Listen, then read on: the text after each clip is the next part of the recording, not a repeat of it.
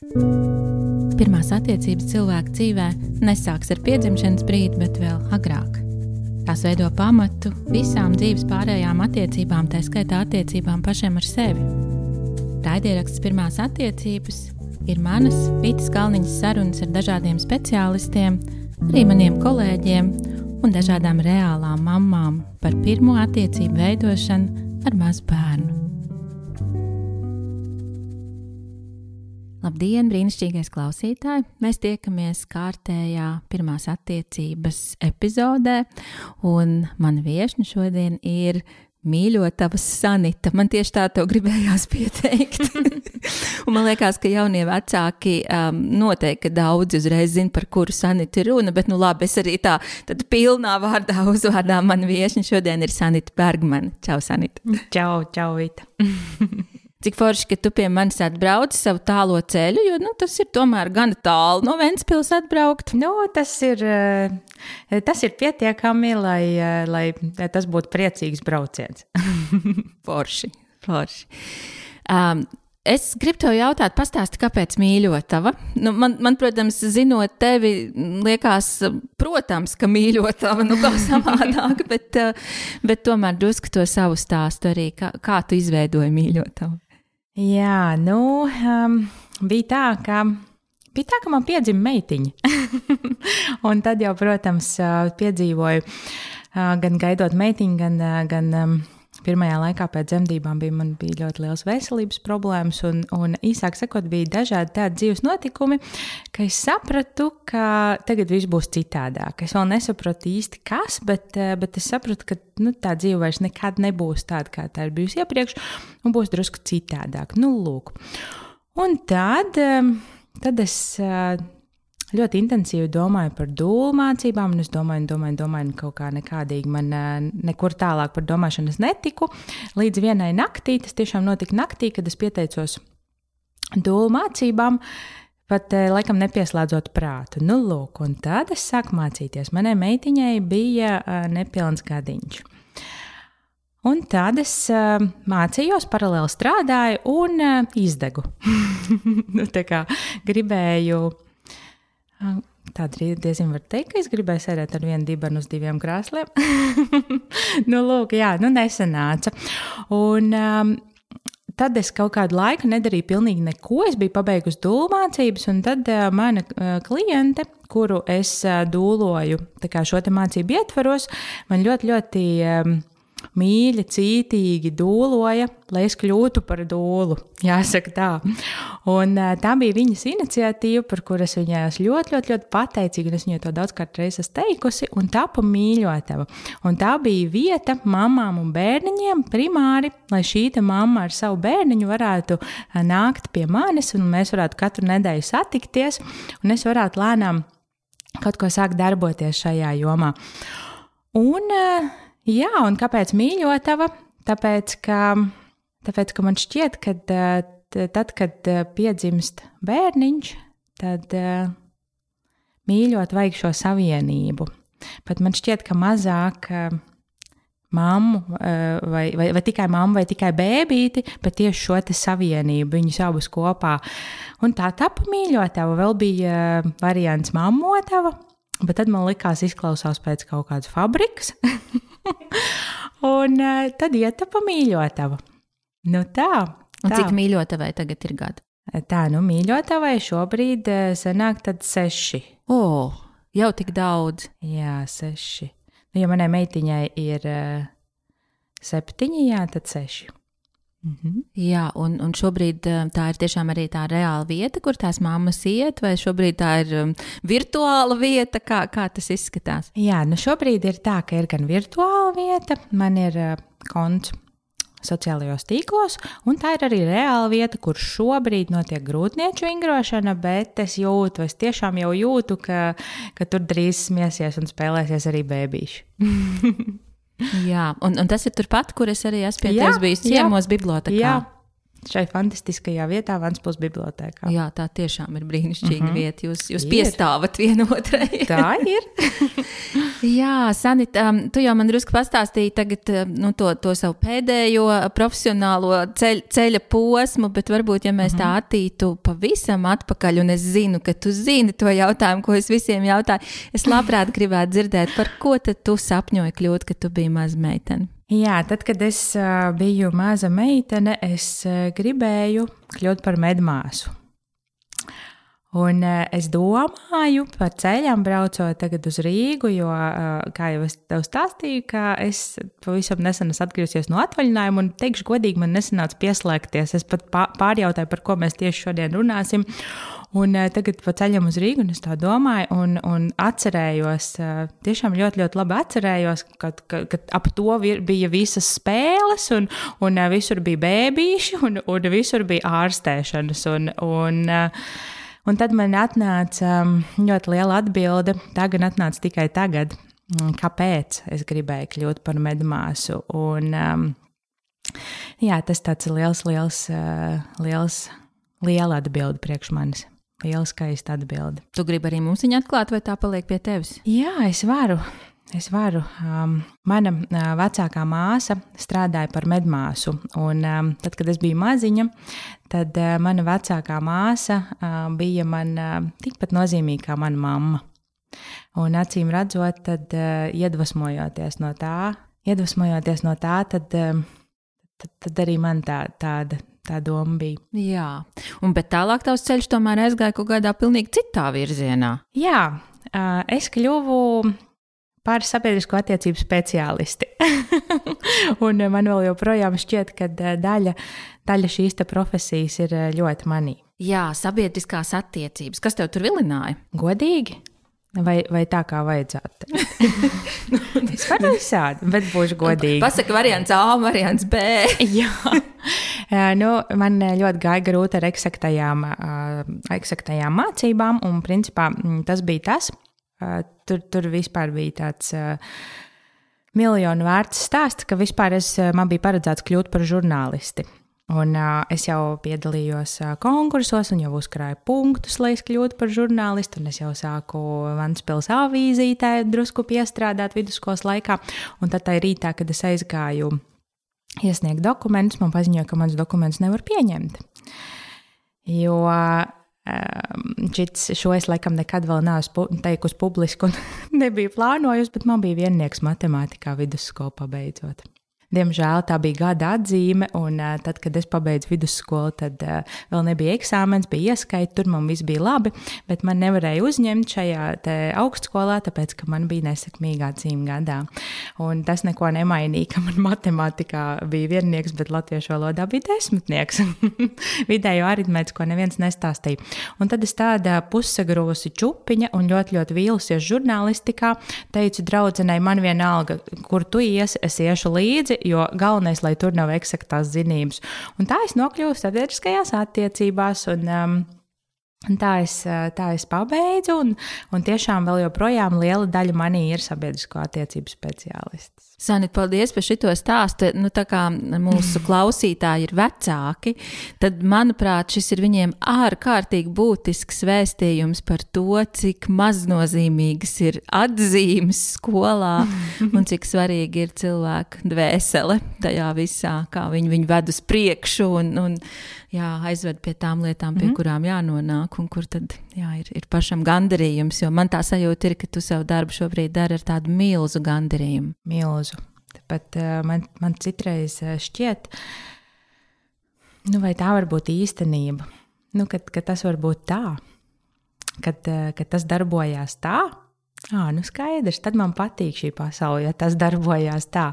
Ja var darīt darbu un justies par to tā, kā es jūtos, darot to, ko es daru šobrīd. Respektīvi, tad um, darbs ar, ar mamām un bērniņiem tas ir vienīgais, ko tu profesionāli šobrīd dari. Jā. Mhm. Sākotnēji tas tā nebija. Sākotnēji es vēl man vajadzēja, teiksim, tā, tādai drošībai. Es vēl paralēli darīju kaut kādus tādus ma mazos darbus no vecajiem darbiem, bet jau laikam pēc gada tad es pā, pilnīgi, pilnīgi pārgāju. Tā tas ir palicis arī šobrīd. Un es strādāju tikai un vienīgi par certificētu dzemdību dūlu un ir zīdīšanas konsultanti. Mm. Dzemdību dūlu, nevis par pēcdzemdību dūlu. Nu, redzi, manuprāt, to pēc tam nolemj, jāsaka, tā pati dūla, un es sevi noteikti nepieskaitu kā, kā pie kaut kāda konkrēta perioda, bet nu, tā, tāda, jāsaka, tā mana profesionālākā izlība tiešām ir pēcdzemdības. Jā, man jau tāda sajūta bija, tāpēc es arī mhm. aicināju tevi runāt nevis par grūtniecību vai dzemdībām, Jā. bet tieši par tā saucamo ceturto trimestri. Mm -hmm. Uh, un, nu, mēs abi zinām, kas tas ir, bet varbūt nu, tu saviem vārdiem pastāstīji, kā, kā tu ar mamām, tētiem, mm -hmm. kā tu stāsti par ceturto trimestri, un, un tā, lai viņiem tas ir viss vissaprotamāk. Mm -hmm. Jā, nu tad eh, tas, tas, ar ko es parasti iesāku stāstīt par pēcdzemdībām, um, tas ir kaut kas tāds, ka tu vairs neesi tā, kas tu biji pirms piedzima bērniņš, un tu vēl neesi gluži tā, kas tu būsi, kad bērniņš jau ir piedzimis. Tas ir tāds starpstāvoklis, tas ir uh, viens, ko es gribu pateikt, un otrs, tas kaut kad pāries. tas kaut kad beigsies, un tas kaut kad pāries. Jā, tā kā par ceturto trimestri man gribas saukt pirmo laiku pēc bērniņa dzimšanas. Tie visticamāk varētu būt pirmie mēneši. Un uh, literatūrā saka, ka tie ir aptuveni 3, 4 mēneši, bet man šķiet, ka to tā nevar tā gluži nodalīt. Tas dažkārt var būt 2, dažkārt 4, dažkārt pat vēl ilgāk. Jā, tas, ko es zinu par 4. trimestri, īstenībā tā pirmā informācija, ko es par to uzzināju, bija tieši saistībā ar mazulīti. Nu, kad, mm -hmm. jā, tā, tā ideja par to, ka mazulīts nāk pasaulē vēl tik mm -hmm. ļoti nenobriedis, salīdzinot, piemēram, ar citiem dzīvītājiem, kas dzimst dzīvnieku mazuļiem, ar domu, ka ja viņš, nu, izaugtu lielāks, un tad viņš būtu nobriedušāks, bet viņš vairs nevarētu piedzimt. Mm -hmm. Tad viņa galva būtu pa liela, viņš pats būtu pa liela, un dabiskā veidā neviena mamma viņu nevarētu laist pasaulē. Tāpēc jā, viņš iznāk no, no vēdera un turpina būtībā briest ārpus, ārpus mammas vēdera, bet mm -hmm. nu, mhm. prasot ļoti līdzīgas um, lietas savai mammai. Bet es zinu, ka tā ir viena lieta, kas ir pa bērniņu, bet tas otrs, protams, ir arī tas pats mammas aspekts. Nu, redz, nu, īstenībā ļoti interesanti, ka tu šo uzrunāji, jo tā tiešām ir ar dzīvnieku pasauli. Ja mēs salīdzinām, tad, piemēram, ziloņa māte savu ziloņu bēbīti iznēsā divus gadus. Viņas dzīvildis, eh, dzīvildis ir ļoti līdzīga cilvēkam. Un turpretī eh, citi dzīvnieki, kas dzīvo eh, īsāku laiku, viņi, viņi savus bērnus iznēsā teiksim, procentuāli garāku laiku, respektīvi tas, cik cilvēka, cik eh, sieviete iznēsā bērniņu, patiesībā ir ļoti, ļoti mazs laiks salīdzinot ar dzīvnieku pasauli. Un to jau mēs arī redzam, kad kumeliņš eh, piedzimstot uzreiz pieceļās uz četrām kājām, teliņš tāpat, un cilvēku bērniem vajag veselu gadu, lai viņš pieceltos kājās. Jā, tas par bērniņu, bet um, kas tad tur ar, ar vecākiem? Man, man gribētos varbūt gan par māmu, gan par tēti parunāt, vai, vai tu vari pastāstīt? Man šķiet, ka mm, es jau dru, drusku ieskicēju to, ka tas grūt, grūtums vislielākais ir šajā, ka nav vēl īsti sapratnes, kas ir noticis. Man ir kā bērniņš, un, un tas ir ļoti bieži tas, ko es esmu tik ļoti gribējusi, un, un tur nāk vēl kaut kas tāds, pie, PVN, par kuru es neko nezināju. un tad, tad, tad tas, ir, tas ir laikam tas lielākais grūtums. Un eh, vislielākās klapatas, manuprāt, piedzīvo mm, tās mammas un tie tēti, kuri idealizē šo pirmo laiku, kuri, uh, kuri pieskaita tai foršajai dzīvei ar bērnu, kas viennozīmīgi ir forša, kuri neizdala to pirmo laiku no visas kopējās lielās dzīves, kuriem šķiet, ka galvenais vajag to bērniņu dabūt ārā, un tad jau mums, tad jau mums viss aizies. Tad viss būs. Nu, lūk. Jā, tad ir tās lielās gaidas un tādas vilšanās attiecīgi no tā ka nav gluži tik, tik skaisti. Mm -hmm. Un tur arī varbūt vēl varētu drusciņi izdalīt lielās eh, pašu gaidas, kā paši šo te ir iedomājušies, idealizējuši, varbūt, eh, vai, vai, eh, un otrs ir tas. Mm, ko viņi varbūt ir dzirdējuši vai ko viņi ir ieraudzījuši no, no citas sabiedrības daļas. Nu, redz, viņiem tur ir bērniņš un viss priecīgi. Viņi ir visās reklāmās, tā kā arī mamma priecīga ar bērniņu un, un tēti un vēlams vismaz diviem. un tad, tad, ja teiksim, mēs šim te nepievēršam nekādu uzmanību, tad, tad tur var sākties klapetes. Mm -hmm. Tu teici, ka um, nu, ir visādi pārsteigumi, kam tie cilvēki nav īsti bijuši gatavi.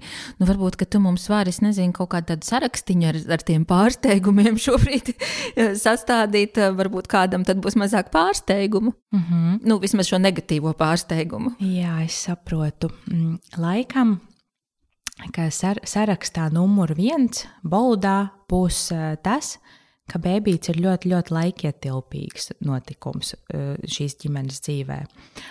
Un um, par zīdīšanu runājot, kas ir arī neatņemama pēcdzemdību perioda um, daļa, man vienmēr gribās teikt, ka tas būs ļoti, ļoti laikietilpīgi. Ļoti daudz runā par to, ka tas ir sāpīgi, ļoti daudz runā par to, cik tas ir vērtīgi. Ir uh, ļoti liela daļa sieviešu saka, cik tas ir patiesībā forši, un tas viss ir.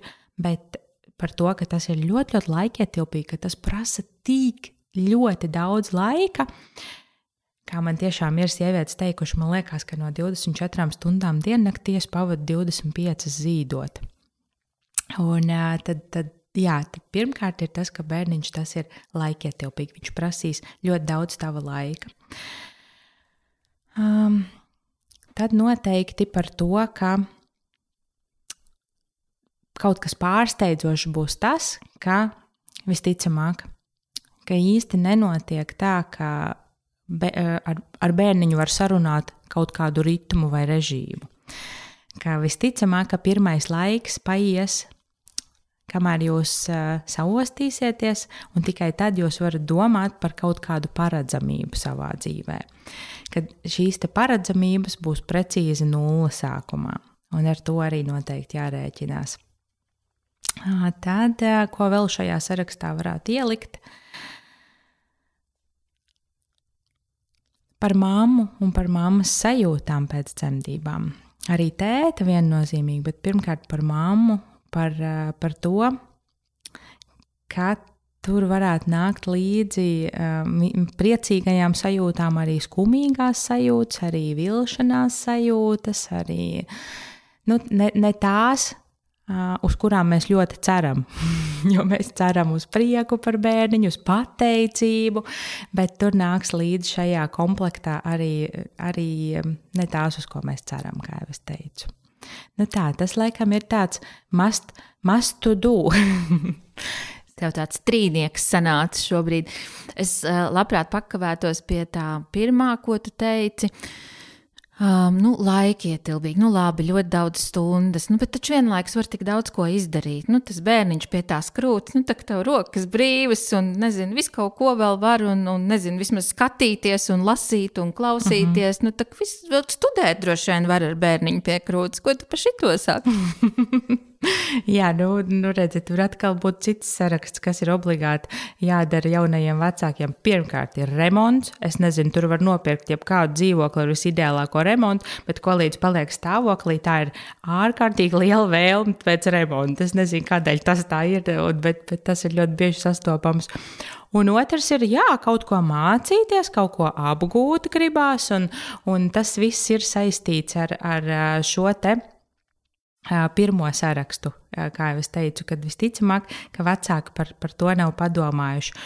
Un, ja tas arī kāda, noteikti kāda mamma klausās, saka, man taču tā bija superīgi. Forši. Tas, tas tā tiešām var būt, bet es teiktu, ka 98% sieviešu tomēr uh, viņu nepietiek, lai viņi varētu zīdīt savu bērniņu, lai viņi varētu parūpēties par sevi, lai viņi varētu parūpēties uh, par vidi, kas ir viņai apkārt, un uh, lai vēl mācītos un, un darīt vēl dažādas blakus lietas. Jā, tad sanāk, ka, nu, ja viņi tomēr mēģina to darīt visu kopā, jo, nu, Viņa ir pieradusi, ka viņa tik daudz ko spēja paveikt, un mm -hmm. viņa ir mhm. ļoti enerģiska, un mm -hmm. līdz bērniņa piedzimšanai viss kaut kas ir izdevies. Tad, ja viņa mhm. mēģina, mm -hmm. tomēr tad, arī tad, ja viņa ir ļoti enerģiska, varētu būt, ka viņa kādā brīdī sagurst, vai, vai kas īsti varētu notikt, ko tu esi pieredzējusi varbūt savām mm -hmm. klientēm. Mm -hmm. Nu, tad eh, zini, kas notiek vienā mirklī, ka jāizvēlās ir vienkārši. Kad ir kā vien... izvēlēties, atdot bērnu kādam, vai studēt, vai kā um, izvēlēties? Nu, principā tad ir jāsaprot, kas ir prioritātes. Kas ir mana prioritāte? Vai mana prioritāte šobrīd ir zīdīšana, vai mana prioritāte ir uh, būt kopā ar savu bērniņu maksimāli daudz laika, atbildēt pašai uz viņu vajadzībām, vai arī mana prioritāte ir mācības, jo abus divus uh, tādus lielus notikumus reizē nu, mēs tā kā arī nepracamies un nesvinam dzimšanas dienu vienā dienā, vai ne? Mēs tā kā. Kāds nu, varbūt arī tā dara. jā, nu, lūk, tad eh, no jaunajiem vecākiem arī ir jau kāds, kas mēģina. Bet eh, cik tas ir eh, kvalitatīvi, tas, tas droši vien ir cits stāsts. Un es tagad tā domāju, Sanita, atkal tā, nu, godīgi, ja mēs te tā pa godīgu runājam, cik daudzas mammas uz tevi ir sadusmojušās par to, ka tu saki, nu, ka jāizvēlās? Nu, tā. Saka, skaitīt. Nē, es tagad domāju, redz, kāds šobrīd norisinās mans darbs. Es uh, lekciju uh, par pēcdzemdībām vadu attālināti. Tā kā dusmu viļņi man klāt netiek. Bet uh, klātienē Uh, ir, ir šad un tad tiešām ir, ka viņas sadusmojās, tad, kad, tad, kad viņas atnāk ar mazu bērniņu, Un tad kaut kas nevadās, un tad, kad es mēģinu to uzrunāt, un mēģinu pastāstīt, ka nu, šeit nevadās tāpēc, ka te, ir, ka te ir jāizvēlās, kas ir tava prioritāte. Bet tā ir gadījies. Tā noteikti ir gadījies. Un dažkārt viņas nepasaka uzreiz, ka viņas ir dusmīgas. Un dažkārt es palieku pat uz sevi dusmīga par to, ka es esmu, par to, ka es esmu iekodusi. ne tur un, un ne tā. Un uh, dažkārt es par to jūtos. Varbūt pēdējos gados vairs nē, bet sākumā tā, tā gadījās ik pa laikam, jā, ka es braucu mājās un, un uh, gandarījuma vietā bija. Uh, bija dru, nu, drusciņš dusmas pašai uz sevi. Bet citreiz ir bijis tā, ka viņš man arī pēc kāda pasaka, ka es toreiz biju tik dusmīga uz tevi, ka tu man tā pateici. Jā, jā es, es pilnīgi iztēlojos, ka nu, skaidrs, ka es arī to piedzīvoju, tāpēc jau es tev jautāju, kā tev ar to iet. Bet es arī nu, absolūti apzinos, ka tās jau nav, nav dusmas uz tevi vai uz mani, bet uh, nu, uz to, ka izrādās es nevaru būt um, visvaroša Jā, reizēm tik ļoti mums gribētos katrai noticēt, ka, ja vien es pacentīšos, tad viss ir iespējams. Un kaut kādā brīdī tomēr izrādās, es esmu arī vienkārši cilvēks ar kaut kādiem ierobežotiem resursiem. Uh, un, uh, nu, un tad, kad es apzinos to, ka man resursi ir ierobežoti, tad parādās tas, ka man ir apzināti tad jāuzņemas atbildība, kā es viņus sadalu, ja, un kur es viņus atdodu. Un, un tas var būt nu, tik bēdīgi, un, un tas var radīt tik daudz vilšanos, un, protams, ar tās dusmas, un ir tīpaši dusmas uz to, kas man to parāda, ja, kad nu, tā realitāte tāda, kāda viņa ir. Jā, vilšanās. Vilšanās ir, ir eh, viena no visbiežāk sastopamajām sajūtām pēcdzemdībās.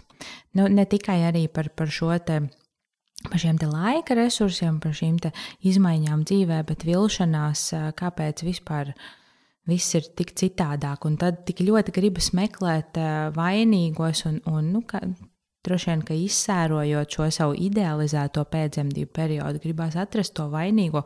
Un tad ir tā, kāpēc, nu jā, īstenībā man tā sanāk šad un tad darbā, ka vienā un tajā pašā dienā es dzirdu, kāpēc tu, Sanita, tur visu laiku stāsta tikai sliktu par tām pēcdzemdībām, tad jau vispār ir bail bērnus dzemdēt. Tad nevajag tikai par slikto, bet vairāk pozitīvo, tā jau viss ir slikti. Un eh, tās pašas dienas vakarā es, piemēram, eh, dzirdu par to, kāpēc tu man šito neteici, kāpēc par šito neviens nerunā. Un tā ir par ļoti daudzām, jāsaka, tā bērnkopības tēmām. Jā, ka mēs no vienas puses gribam pasargāt arī tos vecākus no tās vilšanās un sniegt to informāciju, bet ir arī liela pretestība viņu dzirdēt līdz brīdim, kamēr cilvēks tiešām nonāk tur, kur viņš ir. Jā, un, un es pati arī apjūku ļoti bieži. tiešām apjūku šajā situācijā, kad, kad man šķiet, ka, ka diezinu, vai es tā pareizi daru, ka es tā saku. Vai, vai, ta, vai tas ir tā labi, vai, un tad tajā mirklī man ir jāpaņem pašai sevi un jāatgādina sev, kas es esmu, par ko es stāvu un uz kurien tieši es eju. Un ko līdz es savos atgādināju atbildus uz šiem trīs jautājumiem, tā man ir drusku vieglāk palikt pārliecībā pašai par sevi un ar sajūtu, ka es zinu, uz kurien es eju. Un uz kurien tu ej? es eju uz uh, labestību.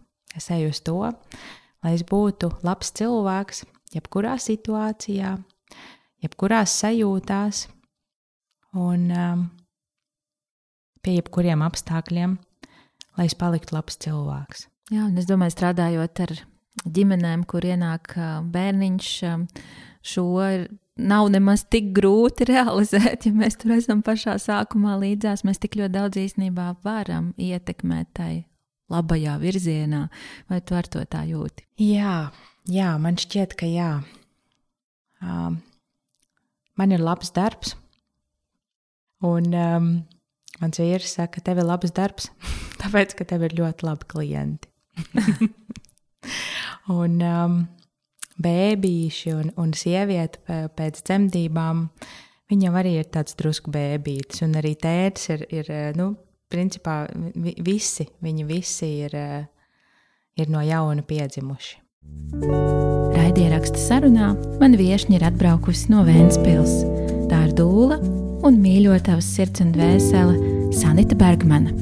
Mēs runājam par bēbīti un viņa ceturto trimestri. Jā, tur es tev piekrītu. Tur ir um, uh, īstenībā nepieciešamība visiem tajā likšdiņā mazliet pabūt, bet um, uh, skaidrs, ka nu, to nav iespējams izdarīt, ja kāds nepienes no ārpuses kaut ko. Jā, citādāk no tās līgas ir jākāp ārā, un tad nav vairs kas to bērniņu silda. Un, un, uh -huh. um, jā, kā, kā tu šito par to ārpasaules palīdzību, ko, ko tu par to vari pateikt? Ceturtajā trimestrī, cik, cik jāpalīdz, cik nav jāpalīdz, cik uh, uzbāzties, neuzbāzties. Mm -hmm.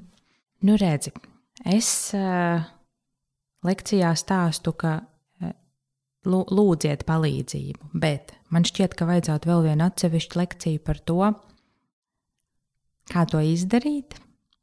Un man šķiet, ka tās attiecības, kas ir uh, mana vecuma cilvēkiem, man gribās teikt, ar, ar saviem vecākiem un ar savu ģimeni, nereti mēdz būt diezgan tālu no tā, lai tā pavisam droši varētu palūgt palīdzību un uh, saņemt to. Tāpēc domāt par to, kā es lūgšu palīdzību, kas, kurš man varētu palīdzību Eh, kurš man varētu sniegt šo palīdzību, noteikti vajadzētu jau grūtniecībā. Un pats pats, man liekas, būtiskākais ir saprast, ko tieši man varētu kāds palīdzēt. Jo bieži vien pat neienāk prātā, ka tas, ka es nevarēšu izvest to savu sunu ārā, tas, ka tā miskasts smirdēs un es viņu nevarēšu iznest eh, līdz konteineram, ir tik būtiski, ka man par to ir jāpaprasa, paklau, vai tu šito varēsi izdarīt. Tā kā jā, tur ir tik daudz aspekti, bet um, es drīzāk laikam es zinu, ka šo klausās noteikti pārsvarā jaunie vecāki, bet uh, lūdzu, lūdzu, par šo runājot, esiet tie palīgi, kuri palīdz. Jo man šķiet, ka ļoti daudz mēs runājam par to, nu, kad jums ir jālūdz palīdzību, jums ir jāuzrunā tie savi draugi, radinieki, bet uh, par maz mēs varbūt stāstam tiem apkārtējiem, lūdzu, lūdzu, esi tas uh, foršais palīgs, kurš, kurš pats piedāvā. Tas arī būs ļoti daudz, jo Redziet, jaundzimušajai ģimenei ir vēl visādas citas rūpes. Tā ir eh, zīdīšana, tas, tas ir eh, raudošs bērniņš, tas, tā, tur ir vēl visādas lietas, bet tam, kurš ir tai ciemiņa statusā, man šķiet, ka viņam ir drusku vairāk resursu, lai tā kā, teiksim tā, prāts tāds apsviedīgāks tajā dzīves mirklī, lai viņš varētu teikt, paklau, es tev šito un šito izdarīšu. Labi? Jā, un zini, kā man te man nāk uzreiz prātā nu, manu klientu stāstī, ka jā, es, es aicinu, un tad man atbrauc uh, viss man paplašinātā ģimene, un tad viņi iziet uz stundu ar ratiņiem ārā, bet man viņiem visiem ir jāuztais ēst, tad vēl viņiem vajag kafijas, un tad vēl viņiem vajag kaut ko garšīgu pie tās kafijas kafijas, un tā, ka viņi beidzot ir aizgājuši, tad es domāju, kā man no šīs palīdzības atgūties. Nu, tur, eh, tur varbūt ir tas, eh, kā lai saka, ko tu teici, ko tev vajag. Um, izvēlēties, ko vēlies. Nu, šajā gadījumā, cik es zinu, um, nu, lielākoties saka, man vajag, lai jūs kādu laiciņu pāsat ar manu bērnu, lai es beidzot mm -hmm. varu kaut ko tajā laikā priekš sevis. Jā piemēram, kaut vai nomazgāties. Jā, es saprotu. Nu, redz, šis ir ļoti bīstams pagrieziens. Paklau, Vita, vai tev nepatīk maz bērnišķi? Man ļoti patīk. Kā man patīk bērniši, kā man gribētos kādreiz viņus paturēt, bet es to, protams, kad, uh, nekad nedarītu. Nu, lūk, un droši vien tādu cilvēku kā es ir ļoti daudz, un arī uh, tante, un, un arī onkulis, un arī māsīts, un, un katrs grib paturēt bērnīti. Protams. Nu, tieši tā, jo tur, tur kam, kam gan nepatīk. Nu, lūk, tāpēc varbūt noformulēt to palīdzību citādāk drusku. Tas ir viens. A kā šitien tu ieteiktu noformulēt? Mēģinam kopā. Jā, es noteikti mēģinātu tam, kam es varu pateikt, nu, piemēram, nezinu, tur sievietes bieži saka, savai mammai es varu pateikt, jebko, ja, bet tur, piemēram, vīra mātei vai tur kaut kādam tālākam radiniekam, nu, tad es tur nevaru. Nu, tur var mēģināt vīru deliģēt, jo vīrieši jau parasti to visu tā praktiskāk uz to visu skatās. Bet, teiksim tā, cieņpilni, pieklājīgi pateikt tā, kā ir ne caur puķēm, ne, um, nevar būt pieprasot, bet vienkārši cieņpilni un pieklājīgi paklau, vai tu varētu lūdzu izdarīt to un to, jo tajā laikā es gribu nomazgāties, un vai tu vari. Un vai tu vari atnākt viena pie manis tajā laikā? Mm -hmm, jā. Saukt lietas īstajos jā. vārdos. Un es droši vien vēl piebilstu klāt, zini, un man visticamāk nebūs ar ko tevi pacienāt. Es kafiju varu uztaisīt, bet vairāk man nekā nebūs. Jā. Šis Jā. arī būtu svarīga informācija. Mm -hmm. Jo tad es domāju, tam cilvēkam iespējams ienākt prātā, ka viņš pats var kaut ko paņemt līdzi. Ja? Un tas jau nemaz tik grūti nav. Jā. Kafiju tu varēsi pati sev uztaisīt, bet pacienāt man tev nebūs ar ko. A, arī labi piebildi, kafiju varēs pat. Re, kur ir plauktiņš. Jā. Mm -hmm. Mm -hmm. Jo, nu, būsim godīgi, vai ne? Tad mamma savu bērnu, ja mēs runājam tieši par šo situāciju, kur vajag, lai kāds kādam pabūt ar bērniņu, kamēr mamma izdara savas lietas, visticamāk, ka es negribētu uzticēt savu bērniņu nevienam, kurš man tā līdz galam nepatīk. Es noteikti prasītu, lai šajā situācijā atnāk kāds, kurš man tā ļoti patīk, varbūt pat kāds, kurus ļoti mīlu. Un tad šajās attiecībās arī pateikt, nosaukt lietas īstajos vārdos, būtu daudz vieglāk, manuprāt. Jā, tad tādu skaidru valodu ar tiem Jā. palīdzētājiem, bet tomēr gatavot viņus jau laicīgi, pašiem apzināties, ko tieši mums vajadzēs. Uh -huh. un, un droši vien visu nav iespējams apzināties un paredzēt, bet tad atkal nu, fleksibli pielāgoties tam, bet ievadīt sarunas jau pirms uh -huh. uh, bērniņa dzimšanas. Nu, zini, es uh, savā pēcdzemdību lekcijā dodu konkrētu mm, pēcdzemdību plānu.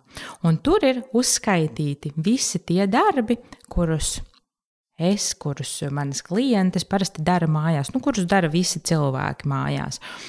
Un uh, tad ir tātad darbs konkrētais, kas ir jāizdara, un pretī ir brīva vietiņa, kur tu ieraksti cilvēku, un tad ir vēl viena ailīte, kur tu atķeksē, ja viņš, ko viņš tev tur ir teicis. Jā, nē, piekrīt, nepiekrīt. Nu, lūk, un tu jau pati, piemēram, arī vari mm, izsvītrot to, kas attiecās uz jūsu māju, uz jūsu ģimeni un ko nē.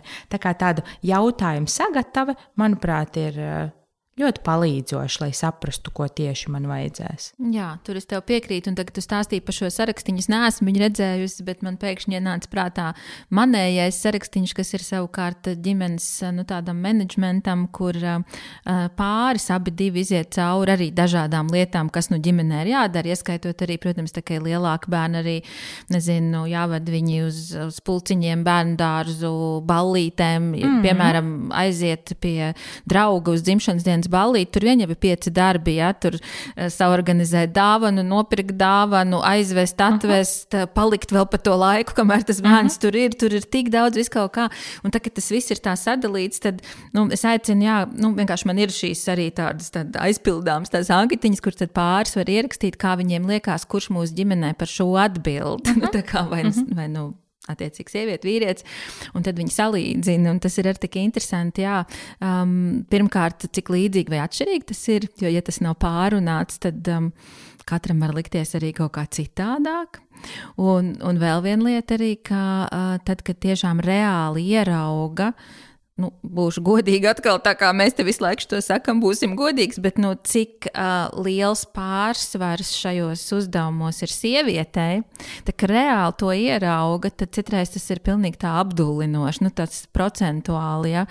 Um, Un, manuprāt, nu, šis arī ir kaut kas diezgan svarīgs pirms bērniņa dzimšanas, pārim apjaust, um, ko, ko un kā mēs darām, un kā mēs to dalīsim, tad, kad tas bērniņš būs pie krūts. Jā, e, kā, vai nu kā mēs to darīsim, vai nu kurš to darīs. Nu, teiksim tā, šis arī ir tāds pēcdzemdību periods, ir tāds brīnišķīgs laiks, kad domāt, varbūt, ja tās attiecības ar ģimeni nav tādas, ka, ir, ka cilvēki ir varoši, ka ģimenes locekļi ir varoši palīdzēt, var, jo mēs dzīvojam tādā laikā, kad vecmāmiņas strādā, un vectētiņa arī ir ļoti aizņemta. Varbūt tiešām tur var domāt par kaut kādu māju palīgu. Tur var domāt par māju palīgu, un tur var domāt par uh, resursiem šī cilvēka nolīgšanai. Tur var domāt ar, atkal jau par prioritātēm. Un palūgt, varbūt, lai, lai mums dāvina nevis daudz pamperus vai, es nezinu, mantiņas, Aha. kuras vispār ir bezjēdzīgas, bieži vien, ja pamperi vēl nodara, bet, bet tās mantiņas īsti jau arī, nu, netik daudz katrā ziņā, bet varbūt, lai met kasītē priekš mūsu palīga. Uh mhm. -huh. Vai ne? Jā, nu dāvana kultūra jaundzimušā ģimenē, tas ir arī,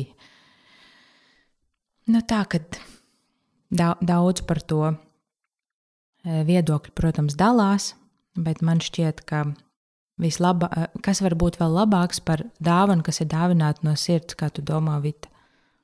Noderīga dāvana, kas ir dāvināta no sirds.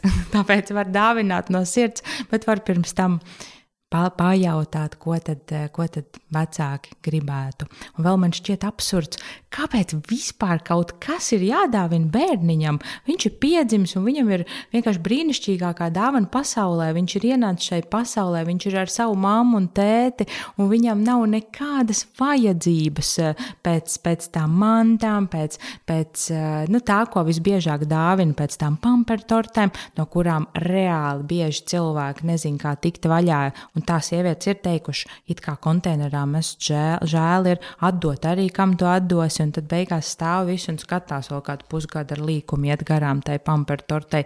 Jo man, manā prātā šitam nu, drusku grūtības ir atrast vietu, kāpēc kaut kas tāds, kas jāliek uz dupšu, čuru un kaku savākšanai, ir jādāvina apsiets ar lentu. Es tiešām šo te nesaprotu. Man šķiet, ka uh, higienas preces uh, cilvēki nu, to kā paši pārsvarā nopērk. Un, ja nu paprasa nopirkt pamperus, nu tad, protams, kad, kad varētu. Bet uh, vispār man šķiet, ka tas ir tik superīgi godināt mammu un tēti, jo, jo vairāk viņi ir kā ziedi, kurus Jo tu vairāk apliesi mammu un tēti, jo laimīgāks būs šis bērniņš. Pilnīgi piekrīt tajā. Jā, jo tas, ko mēs visvairāk varam darīt, stiprināt viņus abus, un tad caur viņiem bērniņš Jā. iegūs. Un otrādi, ja mēs mēģinām, nekas labs nevar sanākt. Nebūs. Jā, tas... Uzpucēt, samīļot, uzspodrināt, mammu uzspodrināt, tā, tajos veidos, kā ir iespējams uzspodrināt viņas prātu, viņas ķermeni. Nu, tas, tas ir tas, ko, ko mēs varam dāvināt un kā mēs viņus varam sabužināt. Es atceros, atceros, kā atnāca manas draudzenes ciemos, eh, un eh, viņas uzdāvināja dāvanu mums visiem, un bija dāvana arī manam vīram. Un uh, viņš ieraudzīja to, to, ko viņas uzdāvināja viņam, un viņš tā skatījās, un tā vairākas reizes pārjautāja, kam šis, kam tas ir domāts, jo neviens cits, protams, ka viņu nesveica. Jā, neaizmirst arī to tēti, vai ne? Jā. Tu minēji arī, nu, tā kā parūpēties kaut kā par, par mammas ķermeni, un, un tā ceturtajā trimestrī, protams, tas ķermenis ir tāds ļoti, ļoti prioritāšu augšgalā, jā, jo mēs, nu, sakam, jā, jāzīd bērniņš, un tā tad atkal jādod savs ķermenis it kā bērniņam, un es reizēm tā arī uzdrošinos teikt, at, nu, ka es atdodu savu ķermeni drusku lietošanā, jā, uz kādu laiku, un, un īsti līdz galam viņš vairs nav nemaz manējais, bet mēs tomēr zinām arī, nu, ka pēc dzemdībām, lai atjaunotos, nu, ir tik svarīgi, kad, kad nu, mēs veltam tam ķermenim ar to laiku, uzmanību un to nesteidzīgumu, kas daudzām mamām liekas, vispār, nu, kas tas par sviestu, nu, ko mēs te runājam un stāstam. Ir taču nu, dzīve ir citādāka, un tas nav mm. iespējams. Ko tu par šito gribi pastāstīt? Nu, redz, ja mēs palūkojamies atkal jau tā ļoti racionāli uz to, tad Sievietes ķermenim, lai viņš varētu uzradīt šo jauno cilvēku, viņam vajag deviņus mēnešus laika. Nu, plus mīnus dažas nedēļas vai nepārsvarā. Tad eh, no kurienes vispār nāk prātā doma par, eh, par kaut kādiem astoņām nedēļām, piemēram, lai ķermenis attiektu savā iepriekšējā veidolā? Es pat sešas esmu dzirdējis. Nu, Man drusku ap, aptrūkstās, gribētos smagi nopūsties, bet nu, ir, jau, ir jau visādi, visādas versijas un tā. Bet manuprāt, caur šo ķermeni, caur šo dzīšanos pakaļ tam savam iepriekšējam ķermenim, ir patiesībā sievietes dzīšanās pēc tās iepriekšējās bezrūpīgās dzīves, jāsaka tā. Jo, lai kāda būtu šī dzīve mm, pirms bērniņa, lai, lai no kādas sociālās lāņas sieviete nāktu vai, vai kāda būtu viņas dzīves apstākļi, bez bērniņa tur rūpju bija nu, vismaz drusciņi mazāk. Tāpēc es saku bezrūpīgās dzīves. Un tad šķie, šķietam. Ielīst tajos džinsos, nu tad es drusku pietuvināšos tai, tai bezrūpīgajai savas dzīves daļai. Bet, zin kā, nebūs. Vienkārši nebūs. Un lūdzu, lūdzu, ja to tagad klausies, un tev ir mazs bērniņš, tad um, drusku piever acis un uh, palūkojies uz savu ķermeni, kā uz visbrīnumaināko baznīcu, uz brīnumaināko templi, kurš ir uh, uzražojis jaunu cilvēku kurš ir uzražojis daļu no tevis, kurš ir ļoti, ļoti daudz ko ziedojis no sevis. Tie ir um, dažādi gan fiziskie, gan emocionālie resursi, un es iejūtīga pret viņu un dod viņam tieši tik daudz laika, cik viņam vajag. Rūpējies par viņu, un uh, es pacietīga.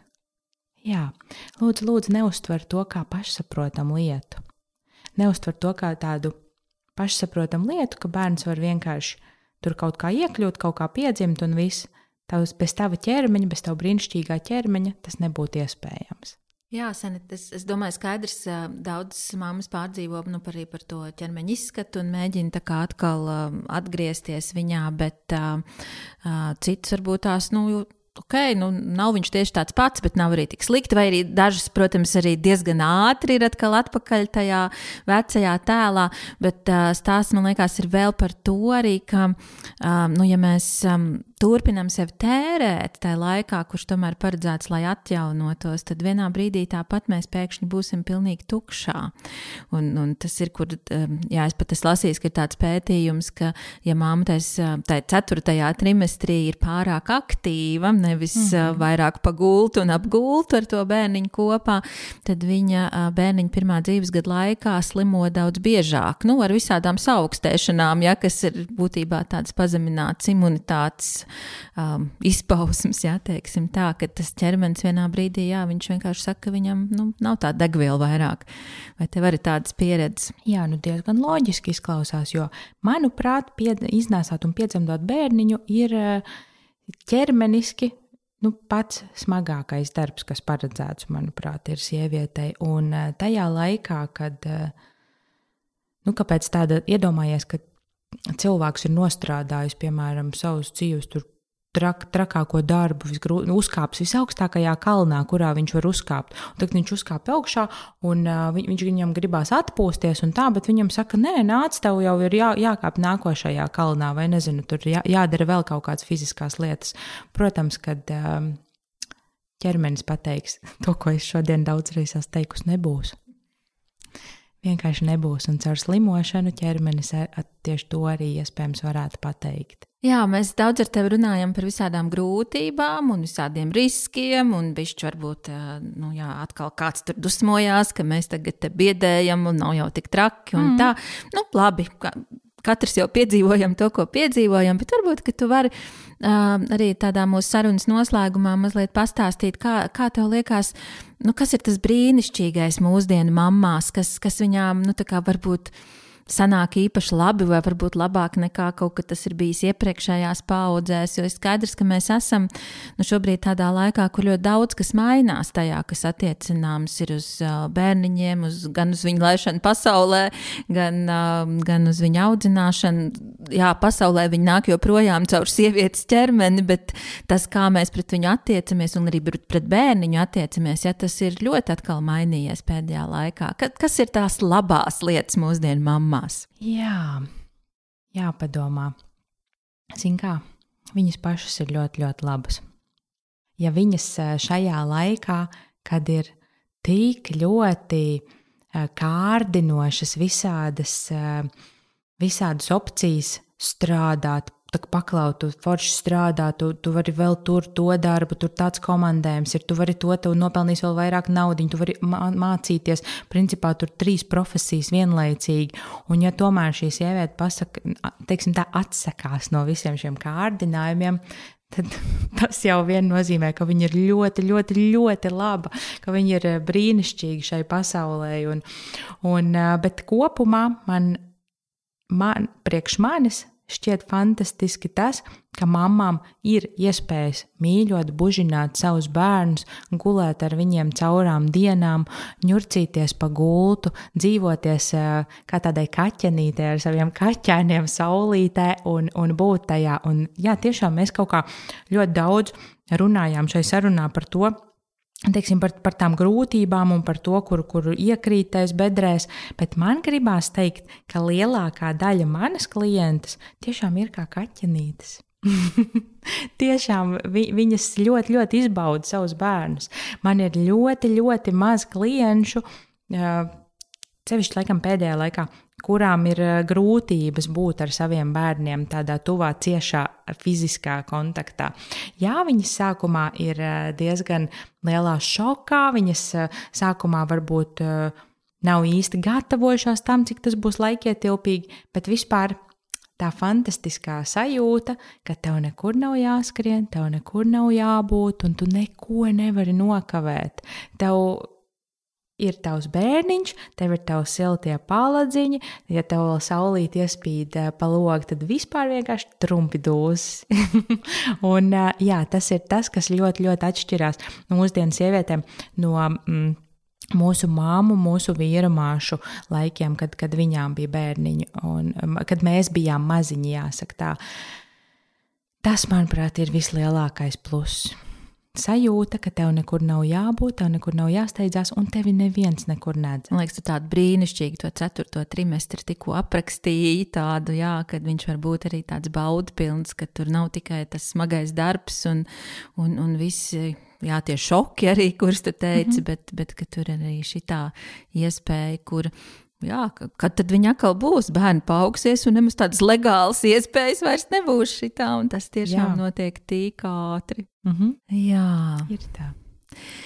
Tad, nu, pavisam mūsu sarunas noslēgumā, varbūt, ka tu esi pēdējā laikā lasījis kādu grāmatu vai noskatījies kādu filmu, kas tev īpaši kaut kā palika sirdī, prātā, kur tu gribētu ieteikt arī mūsu klausītājiem. Mm -hmm. Es um, ļoti daudz lasu Filmas es neskatos tik daudz, bet es gribētu, bet es ļoti, ļoti, ļoti daudz lasu. Un uh, es kaut kā biju klausījusies iepriekšējos podkāstos, kad citiem tu prasīji, kura ir mīļākā grāmata. Un man te tagad jautā drusku citādāk, bet es tev varu atbildēt. Es uh, nu pat izlasīju, principā, kaut kādu mēnesi atpakaļ izlasīja grāmatu ar nosaukumu Cukura bērns. Un es to grāmatu izlasīju tajā naktī, nu, naktī no 23. uz 24. februāri, kad uh, pasaulē sākās ļoti zīmīgi notikumi. Un, um, Es viņu izlasīju tā, kad vakarā sāku un, un uh, kaut kad pa nakti pabeidzu. Tāda ir šī grāmata. Un tajā bija par uh, tiem laikiem, kad uh, cilvēks pat nezināja, ka kādreiz varētu būt tā, ka viņam nekur nav jāsteidzās, ka viņam nekur nebūs jāskrien, ka viņu neviens nekur nedzīs. Šī grāmata bija par uh, meitenīti un uh, viņas māmu, kurus, uh, iz, kuras izsūtīja, un uh, kā viņas tajā izdzīvoja, un par to, cik ļoti, ļoti, ļoti labi cilvēki bija arī tik briesmīgos apstākļos, kā, kādos viņām bija jābūt. Tā grāmata bija par labiem cilvēkiem. Jā, paldies tev. Riktīgi ieinteresēja arī mani. Man liekas, šis ir tik svarīgi, ka arī smagos laikos ir labi cilvēki un sirsnīgas attiecības. Jā. Paldies, tev, Sanita. Paldies tev par to, ka tu biji šodien te. Paldies tev par tavu mīļotavu un to, kā tu mīļo un sildi mammas un tētis un bērnīšu sev apkārt, un lai tev arī turpmāk tikpat baudīgs tavs darbs. Paldies, tev, paldies, lai tā ir, kā tu saki. Paldies! paldies. Sarunā ar Dūlu Sanitu Bergmani runājam par to, kas ir ceturtais trimestris un par visu, ko ap jaunās ģimenes vajadzībām pašos pirmajos mazuļu dzīves mēnešos. Ja vēlaties uzzināt vairāk, lasi manu grāmatu, pirmās attiecības cilvēka dzīvē, un, protams, gaidīšu tevi pie mums mācībās. Jau pavisam drīz uzsākam jaunu mācību gadu tām, kas vēlas kļūt par dūlām vai pepmāmām, vai arī vienkārši interesējas par šo tēmu. Informāciju meklē Līnas mājaslapā. Ja tev patīk tas, ko mēs darām, un tu vēlies pateikt mums paldies, uzsauc mums kafiju. Kā to izdarīt, var izlasīt raidierakstu piezīmēs. Šis ir ģimenes psiholoģijas centra līna raidieraksts. Ja vēlaties vairāk uzzināt par mūsu izdotajām grāmatām, lekcijām, kursiem, vai arī meklē psihologu vai psihoterapijas speciālistu palīdzību, tad laipni aicinu tevi apmeklēt mūsu mājaslapu www.līna.lv. Seko arī mums Instagram, centrs Līna vai arī man, Vita Kalniņa. Ja savukārt esi mamma vai tētis, kas gribētu dalīties savā stāstā ar mani un citiem šī raidierakstu klausītājiem, lūdzu raksti mums uz info atlīna.lv.